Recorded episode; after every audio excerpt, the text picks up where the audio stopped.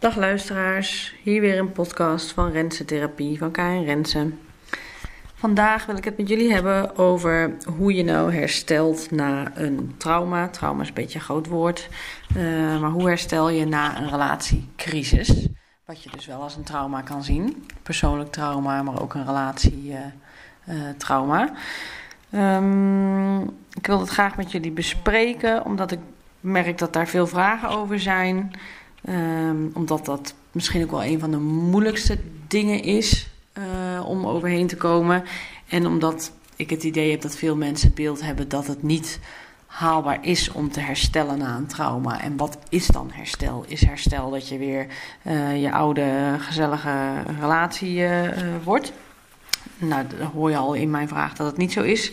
Um, maar is er misschien wel een nieuw soort uh, geluk mogelijk binnen de relatie? Een nieuw soort uh, liefde, wat echt wel weer op kan gaan bloeien. Um, als je maar wel met elkaar de diepte in wil gaan en de pijn uh, nou, bereid bent te gaan voelen, je kwetsbaar op wil stellen. Van beide kanten geldt dat natuurlijk, dat dat dan nodig is. Um, dus dat wil ik eigenlijk graag met jullie bespreken. Um, waar ik op leun qua kennis is dat ik mijn scriptie hierover heb geschreven. Voor mijn opleiding tot systeemtherapeut, systeemtherapie. Um, dat ging over uh, herstelgerichte systeemtherapie. Systeemtherapie is een ander woord voor gezins- en relatietherapie. En nou, dat thema heb ik gekozen omdat het mij persoonlijk raakt. En omdat ik gewoon heb gemerkt dat um, ja, gat in de markt klinkt een beetje te commercieel, maar dat dit een thema is uh, wat een beetje onderbelicht is in de relatietherapie. Als je het mij vraagt. Er wordt wel gekeken naar uh, uh, houden we van elkaar of hoe vinden we elkaar nog leuk. Maar niet, naar mijn idee gaat niet altijd echt de diepte in ehm, die ik zelf zocht. Ik heb zelf ook relatietherapie gehad met mijn partner en uh, daarin heb ik gewoon veel nieuwe inzichten opgedaan. Ook door de opleiding te doen, de systeemtherapieopleiding. Wat ik eigenlijk als eerste met jullie wil delen is uh, het thema chronische rouw. Wat kan spelen nadat je een trauma hebt opgelopen of een uh, relatiecrisis hebt opgelopen. En ik noem het relatiecrisis omdat je uh, nou, er kan sprake zijn geweest van een affaire. Dat is het meest beeldende voorbeeld van een relatiecrisis. Maar het kan natuurlijk ook zijn dat je partner of jij op den duur zegt van ik weet niet of ik met je verder wil. Um, dat je echt elkaar daardoor niet meer vertrouwt. Dat je denkt dat er een affaire is, is misschien niet zo. Um, maar het gaat eigenlijk om alle vormen van de verbinding kwijtraken. Het kan zijn dat je je werk verliest. Het kan zijn dat je naar een andere partner gaat. Of dat je online andere uh, seksuele activiteiten aan het opzoeken bent. Of dat je gewoon ja, je afsluit voor elkaar, misschien wel boos bent op elkaar, of mm, niet meer weet van de ander hoe ze erbij zitten. Um, nou, dat dat dus echt wel kan leiden tot een crisis. Dat je echt even niet meer weet of je verder wil met elkaar en je elkaar onbedoeld pijn doet. Wat je eigenlijk helemaal niet wil en waarin je jezelf waarschijnlijk ook helemaal niet herkent. Dat je zo gemeen bent, dat je zo ook helemaal niet wil zijn. Dat het je heel veel negatieve energie kost. Uh, maar dat je ook niet zo goed weet hoe je het moet doorbreken. En wat ik ook merk is dat veel mensen toch wel uh, in een fase kunnen zitten waarbij ze de ander heel veel verwijten. Um, terwijl je hebt zelf 50% aandeel in je relatie. En misschien allebei wel 100%. Dat vind ik misschien een logischere uh, gedachte. Want je, je bepaalt voor 100% je eigen leven. Tuurlijk zijn er omgevingsfactoren van invloed op uh, je geluk wel, uh, tot een bepaalde hoogte. Maar het gaat erom hoe jij ermee omgaat en hoe jij gehecht bent van, van oorsprong. En welke hechtingsrelaties jij aangaat met anderen. En dat kan zijn met je beste vrienden. Dat, en dat gaat ook om je ouders en het gaat ook om je partner. Dus waarschijnlijk herken je daarin wel patronen uh, van hoe je met anderen omgaat. Dat je misschien snel betutteld voelt. En dat je daardoor snel uh, geïrriteerd kan reageren naar je partner als die ongevraagd advies geeft. Uh, misschien heb je benauwd gevoeld in je jeugd. waren je ouders daarin erg aanwezig. Maar heb je dat misschien ook met een baas op je werk? Um, het kan ook andersom zijn dat je juist een beetje een dominant type bent. Dat je vrij sturend bent. Dat je uh, nou, richting je partner onbedoeld ook erg veel adviezen geeft of erg veel sturing geeft. En dat je daardoor te laat door hebt wanneer een ander zich daardoor te benauwd voelt. En je dat ook nog eens ondankbaar vindt omdat je de ander zo enorm hebt geholpen. Wat waarschijnlijk ook best wel zo is, want je trekt elkaar ook aan omdat je elkaar aanvult. Maar op een bepaald moment Zeker rondom iets van een midlife crisis of uh, wanneer iemand zich een beetje burn-out gaat voelen, uh, kunnen dat soort uh, patronen een beetje gaan knellen. Dat de partner gaat denken van wil ik dit wel? Ben jij wel de partner voor mij? Um, nou ja, soms zijn dat wel hele grote vragen en gaat het er meer om van ik zit niet lekker in mijn vel, hoe overleef ik deze periode zonder de bruid te geven aan mijn relatie? Maar in ieder geval um, uh, wil ik dus met jullie bespreken hoe het zit met chronische rouw. Um, het thema heb ik ook in mijn scriptie besproken. Uh, licht ik ook toe. En voor de mensen die het willen, kunnen mijn scriptie ook opvragen.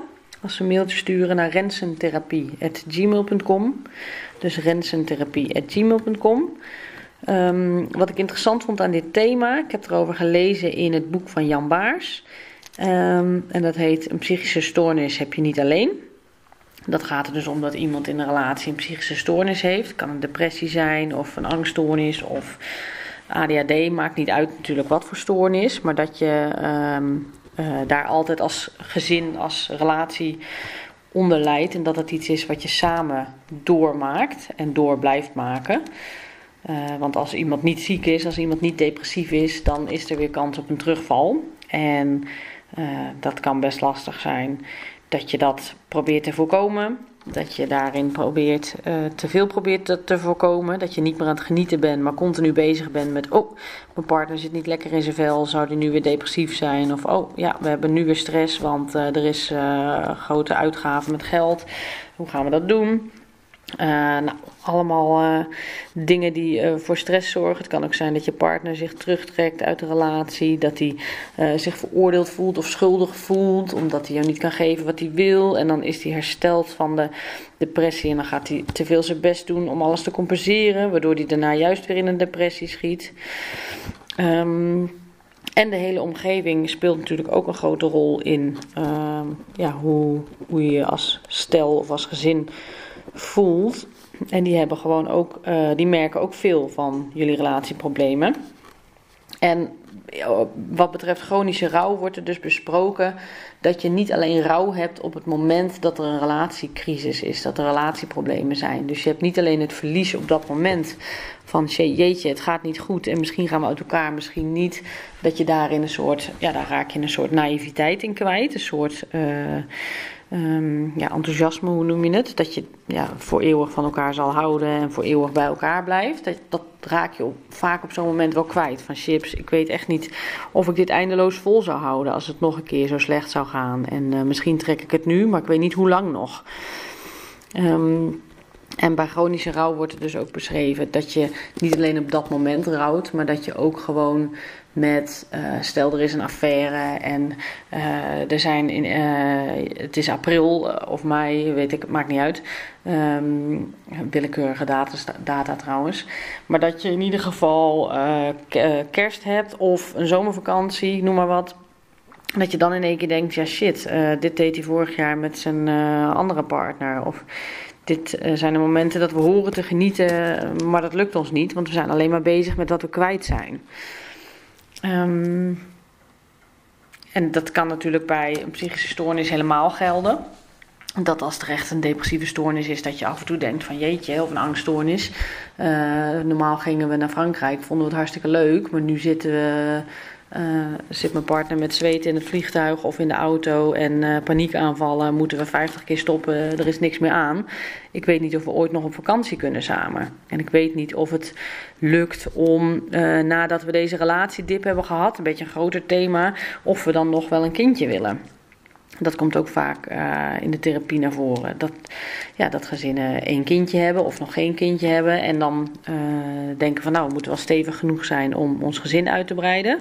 Om een gezinnetje te worden. Maar dat je na zo'n crisis denkt van, kunnen we dat wel aan? Trekken we dat wel? En dat, ja, dat wordt bedoeld met chronische rouw, dat het iets levenslangs is. Dat je dat het altijd weer terug kan komen. Dat je Ehm, na tien jaar, misschien ben je dan nog wel samen of na vijftien jaar. Maar dat je door je relatiedip hebt besloten niet nog een kind te willen. Dat je een beetje door bent gaan kwakkelen. En dat je toch altijd spijt houdt misschien uh, dat, je, dat je niet een tweede kind hebt kunnen krijgen samen. Of Um, ik heb bijvoorbeeld een stel gehad die heeft het traject niet door kunnen zetten uh, van IVF, omdat er op dat moment te veel uh, relatie- en gezinsproblemen waren. Um, en daarna is die uh, mevrouw um, onvruchtbaar geworden, dus kon het ook niet meer. Nog meer onvruchtbaar dan wat met IVF mogelijk was, zeg maar. En dat zijn wel de thema's die ik altijd wel in de kamer haal, in de therapie, omdat ik dan omdat ik daarvan ook wel de meeste opluchting merk. Uh, de meeste verandering merk. Dat als mensen dat bespreekbaar kunnen maken met elkaar. Van jeetje, ik, ik vind het gewoon nog steeds zo heftig dat we dit of dat niet hebben kunnen doen. En ik zou het graag een plekje willen geven. En dat vind ik gewoon wel bijzonder eigenlijk. En ook omdat Um, het is natuurlijk niet bedoeld om de ander de schuld te geven. En dat is wel vaak ook hoe mensen binnenkomen. Van door jou ben ik verhuisd van Maastricht naar Friesland of naar weet ik het wat. En dat de partner zich zo onthand voelt van dat zeg je nou altijd, maar ik kan er niks aan veranderen. En je was er zelf ook bij. Dus eigenlijk voelt die partner zich dan ook gewoon aangevallen, merk ik dan. En is het ook nodig om het op een neutralere manier te bespreken? Van goh, wat bijzonder dat je zoveel voor je relatie of voor je gezin over had. Heb je dat vaker bij mensen in je omgeving? Dat is dan vaak wel zo. Dat je vaak je opoffert voor anderen, vaak in je werk ook of richting je ouders. En dan merk je dat er ook wel, als je het wat breder trekt, het probleem, dan uh, wordt het wat minder persoonlijk. Wordt het wat minder gericht op je eigen relatie, op je eigen partner, maar meer zoiets van hoe zou ik wat meer voor mezelf kunnen kiezen en hoe zou ik meer mijn eigen grenzen kunnen stellen in het dagelijkse leven. En nou ja, het zou in het extreme geval kunnen betekenen van uh, ik zou over vijf jaar of tien jaar terug willen naar Maastricht, of nu al. Um, maar het kan ook betekenen dat je zegt, ja, uh, ik ben voor jou verhuisd, uh, dus dat is een soort water bij de wijn. En dan vind ik het fijn als jij water bij de wijn doet, dat ik wel een moestuin mag. Of nou, bedenk ook maar wat hoor. Soms is het een beetje onderhandelen ook in een relatie. Maar het belangrijkste is dat je met elkaar je pijnpunten dus kunt bespreken, zodat je wel van elkaar weet waar de pijn überhaupt zit. En dat de venijnige opmerkingen of de hele gevoelige momenten, dat je dan weet waar het vandaan komt. Dat je dan in één keer snapt van, oh, ze bedoelt, uh, ja, ze bedoelt dit of dat. Dus dat als je samen naar Maastricht rijdt, naar haar ouders bijvoorbeeld. Um, en jij zegt, wat is het toch lang rijden? Dat zij dan in één keer gigantisch boos wordt. Dat je dat nu dan een plekje kan geven. Omdat je denkt, oh chips, ze is überhaupt al verhuisd vanuit Maastricht. Dus ze vindt het super fijn om thuis te zijn. En dan heeft ze het echt niet nodig dat ik daar ook nog eens moeilijk over ga zitten doen. Dus, nou, dat um, is een lang verhaal. Maar ik wil het wel besproken hebben. Omdat uh, ik denk dat rouw vaak iets is wat onbesproken is. Of wat niet niet effectief besproken wordt tussen stellen. Dat er gemene opmerkingen over en weer zijn. Dat er veel pijnpunten zijn. Uh, noemt ook vaak de blauwe plekken bij mensen. Dat je denkt van uh, als iemand die opmerking maakt, dan schiet ik qua uh, agressie of verdriet schiet ik van 0 tot 10.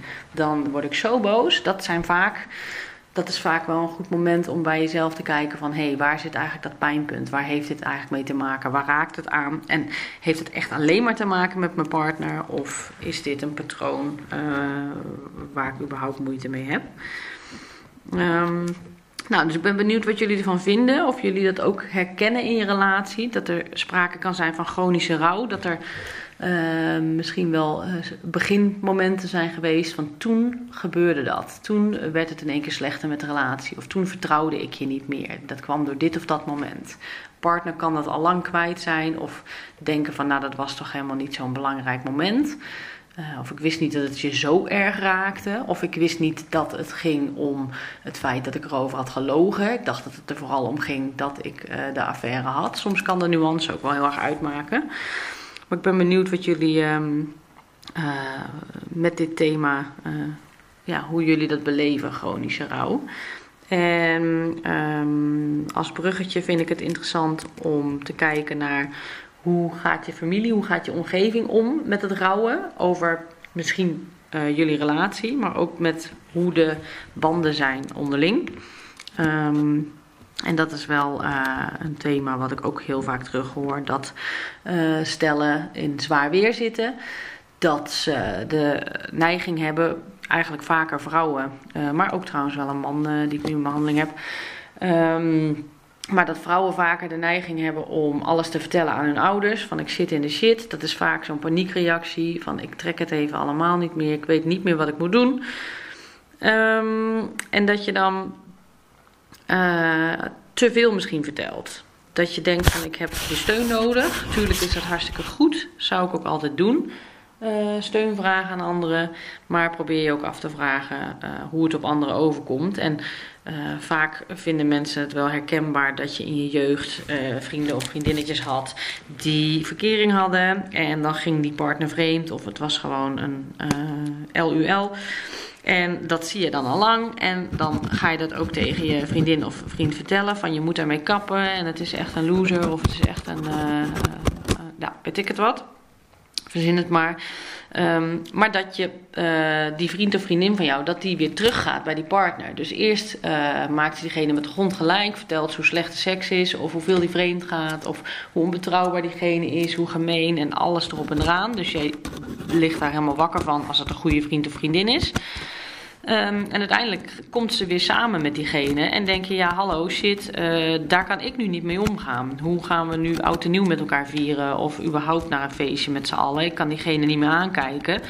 En je hebt waarschijnlijk ook boze dingen over diegene gezegd. Dus het is wel heel lastig om daar dan weer van te herstellen. En ja, het kan ook heel oneerlijk voelen. Want die vriend of vriendin van je, die kan dus uiteindelijk dag en nacht weer met uh, zijn partner um, uh, verder gaan en jou een beetje links laten liggen.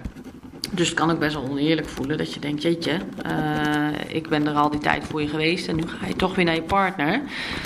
Maar dat is natuurlijk in volwassen relaties ook wel het geval. Dat je, uh, als je jezelf vergelijkt met die vriend of vriendin die alleen maar klaagt over zijn partner.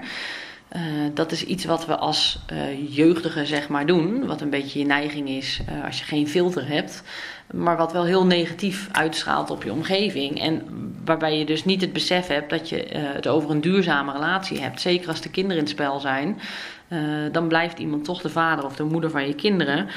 En is het toch echt wel je verantwoordelijkheid om te kijken naar wat ga ik wel of niet vertellen aan mijn schoonouders of aan mijn ouders en aan de buurvrouw en aan weet ik veel wie. En aan de docenten, want soms hoor ik daar ook de raarste verhalen over. Uh, dat ouders uh, toch iets te veel vertellen over hun ex, over de alimenta alimentatie die wel of niet betaald is, et cetera.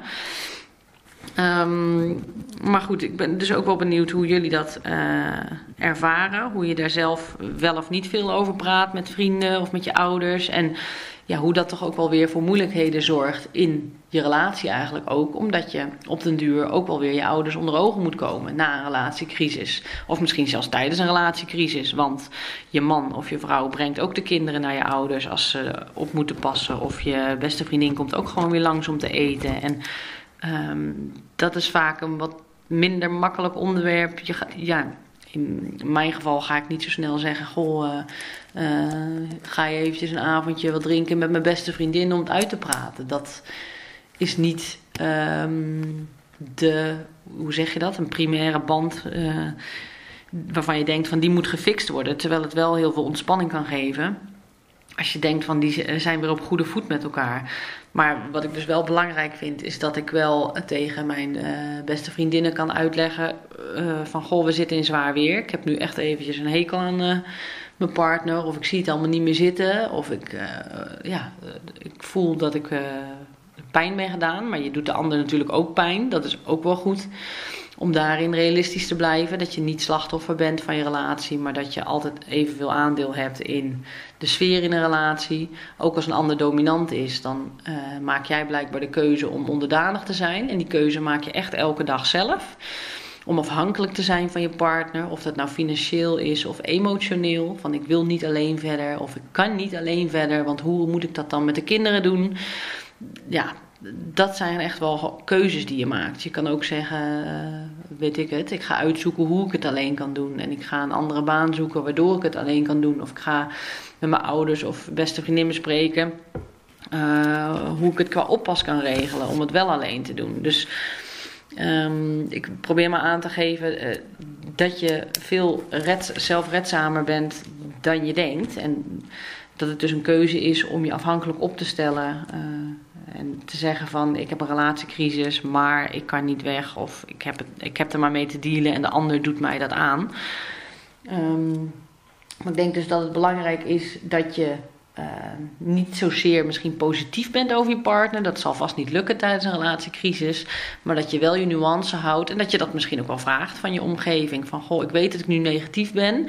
Dus help me eraan herinneren dat ik ook vertel wanneer het wel goed gaat. Want er zijn echt genoeg momenten dat het goed gaat tussen ons. We hebben niet de hele dag ruzie. Uh, mijn partner is een goede vader voor mijn kinderen. Een goede moeder voor mijn kinderen. Um, maar dat je dus wel zegt van. Uh, uh, soms wil ik mijn ei even kwijt, of kan dat, of hoe denk jij nu over mijn partner? Dat je daar ook ruimte voor creëert. Dat er ook een beeld wordt gecreëerd van je partner bij jouw omgeving. En dat je dat toch soms wel eventjes weer recht moet zetten. En de inzichten die je zelf opdoet door middel van therapie, door middel van boeken die je leest of door middel van gesprekken die je samen hebt, dat je dat niet vergeet om ook te delen met je omgeving. Dat je dat ook met je beste vrienden of met je ouders deelt van goh, ik uh, begrijp nu wat meer hoe hij werkt, want hij heeft of een psychische uh, aandoening, of um, hij zat gewoon niet lekker in zijn vel, of ik zat niet lekker in mijn vel. En daardoor reageren we het heel erg op elkaar af. En we hebben zware perioden gehad, want nou, soms is er een langere tijd een kind ziek of ouders zijn ziek. Um, en heb je dus naast je werk, naast alles wat je privé moet doen, heb je ook gewoon nog een zorgtaak. Dat zijn vaak momenten dat het in de relatie ook niet helemaal denderend gaat. Of vooral na zo'n zorgtaak, als je weer een beetje aan het bijtanken bent en denkt: oh, alles is weer, uh, alles is weer leuk. Dan begint je lijf eigenlijk pas echt de stress te ervaren en te denken: van uh, wat uh, hebben we eigenlijk allemaal meegemaakt en wat vind ik van mijn leven. En vaak is het dan ook dat het in je oplopt van wat vind ik van mijn relatie. Ga je oordelen over je relatie, denk je dat je relatie niet goed is, terwijl je eigenlijk gewoon even een heftige periode hebt gehad. Nou, maar wat ik hierin dus in ieder geval mee wil geven is: sta ook stil bij wat het met je omgeving doet als er een relatiecrisis is. Um, denk er ook echt wel bewust over na met wie je dingen bespreekt. Ik denk dat iedereen het wel herkent dat je bij de ene vriend of vriendin dat die veel emotioneler reageert dan de andere. En aan de ene kant kan het fijn zijn, het is wel een teken van dat ze zich helemaal inleven in je situatie. Maar aan de andere kant is dat wel een uh, red flag? Is dat wel een moment dat je moet denken van dat is degene die het minst snel gaat herstellen van deze relatiecrisis? Want die gaat toch wel een tijdje nog boos blijven. Of emotioneel blijven, verdrietig blijven. Dus die moet je wat meer aan de hand nemen om te helpen herstellen. Om te helpen jouw partner weer aardig te gaan vinden. Um, en dat is dus ook wel degene waar je misschien wat meer nuance bij wilt hebben. Waarbij je niet alle details vertelt van jeetje, zelfs in bed gaat het er allemaal slecht aan toe. Of uh, toen hij vreemd ging, ging het om tien, uh, tien uh, affaires, weet ik het wat. dat je toch eventjes kijkt van ja, um, ik wil heus wel mijn ei kwijt, maar misschien niet met iedereen. Je zou natuurlijk ook kunnen kiezen voor een therapeut als je in een crisis zit, waardoor je überhaupt je ei wat kwijt kan en op een gestructureerde manier en waardoor je misschien überhaupt je omgeving niet overvraagt. En dan bedoel ik meer het emotioneel overvragen. Um, omdat je familie en vrienden moeten dingen dus ook verwerken. En uh, wat vaak wel heel moeilijk is voor degene zelf, die het dan vertelt aan uh, zijn omgeving, is dat je uh, je niet serieus genomen kan voelen. Of dat, dat mensen dus in een beschermende modus gaan. Dat ze zeggen van diegene is niet goed voor, mij, eh, voor jou. Uh, je moet scheiden, je moet uit elkaar gaan. Uh, of ik wist het altijd al. Of hoe kan het nou dat je dit pikt? Dat er misschien zelfs boos tegen jou wordt gedaan.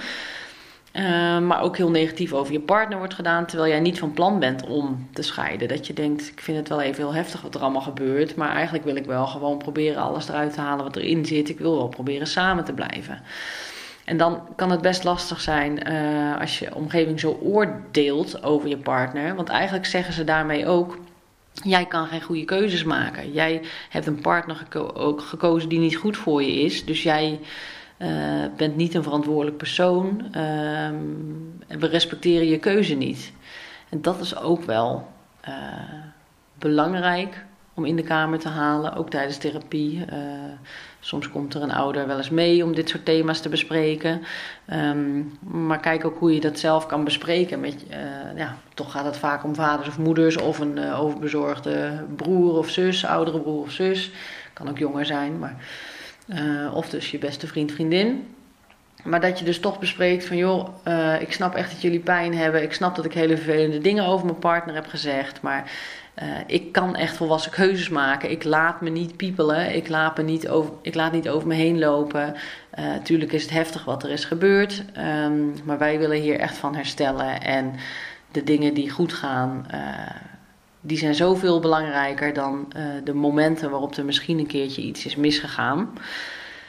Ja, ik denk dat je daarmee ook wel aan je omgeving laat zien van je oordeelt niet alleen over mijn partner, maar je oordeelt ook over mij als je negatief bent. Dus je creëert ook bewustwording bij je omgeving uh, dat ze daarin zelf ook wat meer nuance zouden moeten hebben in uh, de ander afkraken. Dat het niet zozeer loyaal is om je partner af te kraken van we staan aan jouw kant hoor en we kiezen voor jou en je partner heeft alles verkeerd gedaan, jij hebt alles goed gedaan ja, hoe helpend is dat? Uh, daar krijg je geen nieuwe inzichten van. Ik denk dat goede vrienden, ik weet niet of je het met je ouders uh, zo goed contact hebt, maar dat het met goede vrienden vooral nuttig is om te horen van nou, uh, ik denk dat je in dit geval echt te lang je in je werk hebt verloren en ik denk dat je inderdaad even een stapje terug zou kunnen doen of ik snap je partner wel of ik denk dat je daar veel meer aan hebt om tot inzichten te komen en te kijken naar hoe ben ik eigenlijk in relaties en hoe kan ik mijn relaties meer duurzaam maken zonder dat ik uh, van crisis naar crisis ga. Um, ja, dus dat zijn al een beetje twee um, grote thema's die ik wilde bespreken. De chronische rouw die er kan uh, ontstaan nadat er een relatiecrisis uh, is voorgevallen. En ook het feit uh, van hoe vertel je het je omgeving? Hoe gaat je omgeving ermee om? En hoe heb je er zelf invloed op hoe je omgeving herstelt van de relatiecrisis? Um, wat ik ook nog mooi vond om te delen is uh, dat hoop natuurlijk heel erg belangrijk is om überhaupt aan je relatie te werken. Om uh, de ruzies te kunnen overleven die er zijn of de pijn te kunnen overleven die je soms voelt. En daarin wilde ik uh, voorlezen uh, wat hoop is. Dat vind ik een hele mooie beschrijving. Hoop is ergens voor werken omdat het goed is. Niet alleen omdat het kans van slagen heeft. Hoop is niet hetzelfde als optimisme, evenmin de overtuiging dat iets goed zal aflopen. Het is wel de zekerheid dat iets zinvol is, ongeacht de afloop, ongeacht het resultaat. En dat vond ik dus echt een hele mooie omschrijving van hoop omdat ik denk dat veel stellen de hoop een beetje zijn verloren en de hoop ook zoeken. En dat ze zich hopeloos kunnen voelen, dat dat zo'n veel gebruikte term is, machteloos en hopeloos. Dat ze niet weten hoe de toekomst eruit gaat zien en dat ze dan soms niet meer weten waar ze voor vechten. Dat ze zo doodmoe zijn dat het voelt als uh, dobberen in de open zee. Dat is vaak wat ik stellen wel mee wil geven. En wat ik zelf ook nodig heb gehad. Van de, je kan echt weer uh, naar de kant toe zwemmen. Er is wel ergens weer een kust. En je kunt weer bijtanken. Um, maar nu zit je even in een crisis. Nu is het inderdaad even overleven. Dit zijn de tools die je kunt gebruiken om uh, die crisis te overleven. En hoop is natuurlijk dan. Uh, dus wat ik mooi vind aan die omschrijving is dat het niet gaat om uh, dat je precies weet hoe de toekomst gaat zijn. Je weet niet of je nog samen zal blijven, of je even gelukkig zal blijven, of je over 10 of 20 jaar ook nog samen bent. Maar je weet wel dat je voor een goed doel aan het vechten bent. En dat vind ik zeker in het geval als er kinderen in het spel zijn. Je bent altijd voor een goed doel bezig als je voor je relatie vecht. Want die relatie blijft levenslang als je kinderen hebt. En Um, ik denk ook als er geen kinderen zijn, dat je altijd uh, voor een goed doel vecht, voor een goed doel bezig bent als je met elkaar goed leert te communiceren. Je hebt elkaar niet voor niks uitgekozen in een relatie. De meeste relaties uh, duren al uh, 10, 15 jaar als mensen bij mij komen in ieder geval. Dus het zijn echt lange relaties. Het zijn echt mensen die uh, ja, flink aan elkaar gehecht zijn, die echt goed bij elkaar passen, zou je dan dus denken, als ze het al zo lang met elkaar redden. Um, en er zijn dus echt genoeg redenen om bij elkaar te blijven, maar ook om te kijken van wat eh, wie ben ik als persoon na 10 jaar relatie, na 15 jaar relatie? Hoe word ik dan? Wat zijn mijn nukken? En uh, wat is daarin lastig voor een partner? En dat je ook uh, gaat beseffen van als ik nu overstap naar een andere partner, soms kan dat in je gedachten opploppen van ik stop ermee en ik wil gewoon ontspanning in mijn relatie. Ik wil niet iemand die zo moeilijk is. Maar uh, onbewust weet je toch dat je zo'nzelfde soort partner echt wel weer aan zal trekken. Ook omdat het gewoon je hechtingsstijl is. Dus dat is gewoon ook uh, ja, neurobiologisch uh, zeg maar ook bepaald en vanuit je opvoeding. dat je echt wel zo'n iemand weer aantrekt omdat je zelf je eigen gedrag hebt en dat hou je ook. Um, maar dat ja, geeft dus wel een ander licht op hoe je ruzies maakt en hoe vermoeiend het kan zijn. Dat je dus niet uh, aan elkaar blijft vragen van ja, maar blijf je dan bij me of gaan we nog scheiden of niet? Want anders weet ik niet of ik ervoor moet vechten. Ik denk dat het gewoon uh, hoopgevend is dat als je überhaupt vecht voor goede communicatie, dat je vecht voor uh, ik wil geen heks zijn in een relatie, ik wil niet iemand zwart maken. Zo'n persoon ben ik niet. Dat je kijkt naar je eigen inbreng, je eigen aandeel in duurzame relaties met wie dan ook, dat je altijd voor een goed doel dan aan het vechten bent. En dat kan dus betekenen dat de relatie op de duur ophoudt. Maar ik denk dat je meer spijt hebt als je dat met heel veel ruzie en bombarie hebt gedaan. Want dan heb je echt van heel veel te herstellen. En je hele omgeving ook. En ja, dan blijven er pijnpunten. En dan is het niet alleen dat jij met modder hebt gegooid, maar dat er ook modder naar jou wordt gegooid heel veel negatieve energie die je juist in het moment van een crisis niet zo goed kan gebruiken. Maar ik denk dus dat, je, uh, dat de hoop is, uh, de hoop die je kan houden, de, ho de, hoop die je jezelf kan geven is: ik wil een goed mens zijn en ik wil goed voor anderen zijn geweest en ik wil overal alles uit hebben gehaald. Dat hoor ik stellen ook vaak zeggen. Stel dat het op een scheiding uitloopt, wil ik er alles aan geprobeerd hebben en dan kan je jezelf recht in de spiegel aankijken over een paar jaar van: goh, we zijn toch te veel uit elkaar gegroeid. Dit wordt hem niet. Misschien groeien over vijf of tien jaar weer naar elkaar toe. Dat kan natuurlijk ook. Als je goed investeert in um, uh, hoe je met de crisis omgaat en respectvol naar elkaar blijft. Wie weet wat er dan nog van komt. Maar in ieder geval vond ik het in mijn uh, relatietherapie, in mijn relatiecrisis helpend. Uh, dat je hoop houdt op dat er echt weer een leven is na je crisis. En dat het altijd helpend is om daarin respectvol met elkaar om te gaan. Tijdens alle emoties die je ervaart en alle boosheid die je hebt. Um, tja, heftig thema op zich. Ik um, ben benieuwd wat jullie ervan vinden van het hele thema. Uh, zoals ik eerder al vroeg, van hoe zijn jullie hersteld na een trauma, na een relatiecrisis? Hoe gaat je omgeving ermee om? Herkennen jullie de dingen die ik uh, beschrijf daaromheen? Zijn jullie benieuwd naar mijn uh, signaleringsplan, wou ik zeggen, maar ook naar mijn scriptie, waar mijn signaleringsplan, relatiesignaleringsplan uit voort is gekomen? Um, mail me dan naar rensentherapie.gmail.com. Um, nou, laat me weten wat je ervan vindt. Ik ben ook op Instagram als uh, Rensentherapie. Daar kun je ook een relatie achterlaten over mijn podcast. En ook um, in de podcastomgeving zelf, begreep ik. Um, nou, ik ben benieuwd wat jullie ervan vinden. Ik hoop dat jullie hoop houden voor de mensen die nu in een relatiecrisis zitten. ja, ik gun jullie het beste. En laat me weten wat je van deze podcast vond. Oké, fijne dag nog allemaal. Tot ziens.